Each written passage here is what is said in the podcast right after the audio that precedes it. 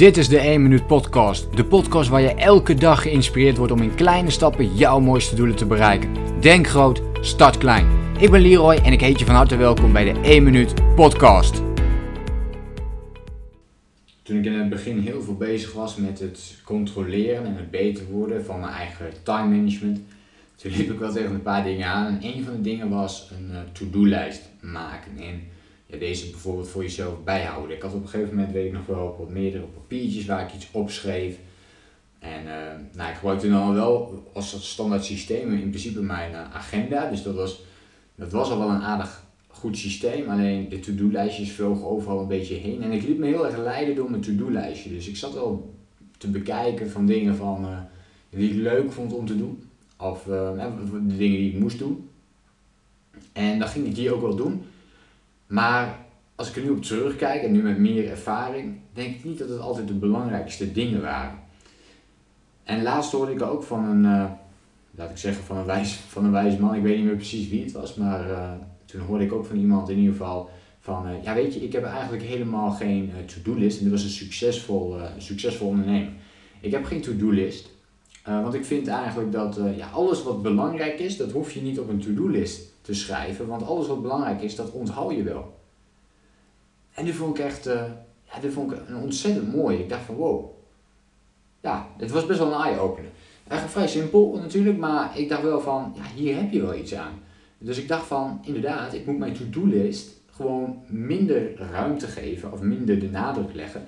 En echt kijken van, ja, wat is nou echt, echt belangrijk? Wat moet ik echt doen? En die dingen weet je al, dus die hoef je niet eens op te schrijven. Natuurlijk is het wel handig om dat misschien toch, toch te, te noteren op een plek. Voor mij is dat uh, de agenda. Dus in de agenda noteer ik nou echt mijn belangrijkste taken. Die doe ik dan altijd in de ochtend. Dus per dag is dat één taak die ik absolu absoluut wil, uh, wil realiseren. En dat zorgt ervoor dat ik ook bijna geen uitstelgedrag vertoon, omdat het maar één taak is die ik moet doen. oké? En als ik eerder klaar ben, dan, ja, dan, dan kan ik alsnog naar mijn to-do-list toe gaan. Of kijken wat ik de volgende dag eigenlijk op de planning had. En dan kan ik daarmee aan de slag gaan. En dat, dat, maakt mij, dat geeft mij veel rust. Dat geeft mij tegelijkertijd overzicht. En het geeft mij tegelijkertijd eigenlijk ontzettend veel resultaat. Ook al doe ik maar één ding. Het geeft wel heel veel resultaat omdat ik weet dat dat op dat moment het belangrijkste ding is. En dan heb ik het ook ruim van tevoren af. Dus een to-do-list heb je niet eens per se nodig. Dus wat je zou kunnen doen in dat geval, zoals ik het in ieder geval noem, is je to-do-list ombuigen in een important goal list. Dus je pak je takenlijstje erbij en kijk eens naar de dingen die je heel vaak opschrijft. Waarschijnlijk zijn er dingen ook uh, op je papiertje die, die terugkerend zijn. En bijvoorbeeld boodschappen doen kan zoiets zijn, huishoudelijk iets nog, nog doen wat je eventueel vergeet was. Allemaal van dit soort dingen. Zet die dingen in je agenda. Zodat ze niet meer op je to-do-list komen te staan. Want dat zorgt ervoor dat je to-do-list namelijk ook nooit kleiner wordt. En dat werkt best wel demotiverend. Dus dat wil je juist niet doen. Een ander principe wat denk ik heel belangrijk is om je to-do-list om te zetten in een important goal list. Want uiteindelijk wil je niet die taakjes doen. Nee, je wil werken aan je belangrijkste doel. Dus die takenlijst die wil je eigenlijk weggooien. Maar eerst schrijf je alles op. Dan ga je alle terugkerende aspecten, zoals dus die paar dingen die ik al heb opgenoemd, maar ook bijvoorbeeld het sporten. Dat soort dingen zet je echt constant in je agenda. Dus dat kun je per week doen als je, iets, uh, als je een fysieke agenda hebt. Heb je het allemaal digitaal, dan kun je natuurlijk met terugkerende patronen werken. Dit is mijn voorkeur. Hoef je niet iedere keer weer opnieuw uh, op te schrijven. En als je dat hebt gedaan, dan is je to-do-list al met 50% uh, eh, korter geworden. Dat weet ik zeker. Als je goed kijkt naar dingen die terugkerend iedere keer op je to-do-list terechtkomen, dan wordt die al een stuk kleiner. Daarna kun je gaan kijken, ben ik bepaalde dingen wel echt nodig of niet echt nodig? Nou, dan gaat er nog eens 50% weg.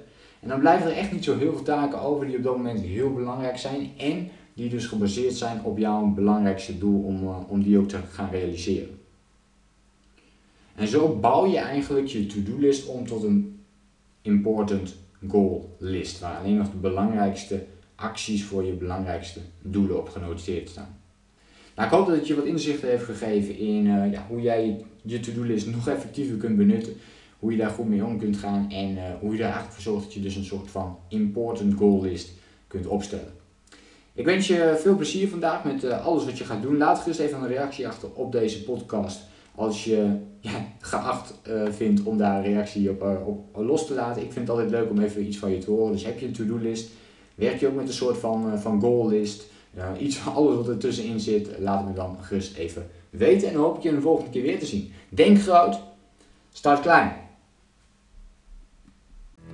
Bedankt voor het luisteren. Geloof jij net als ik dat je in kleine stappen jouw mooiste doelen kunt bereiken? Abonneer je dan op mijn podcast voor meer dagelijkse tips en inspiratie.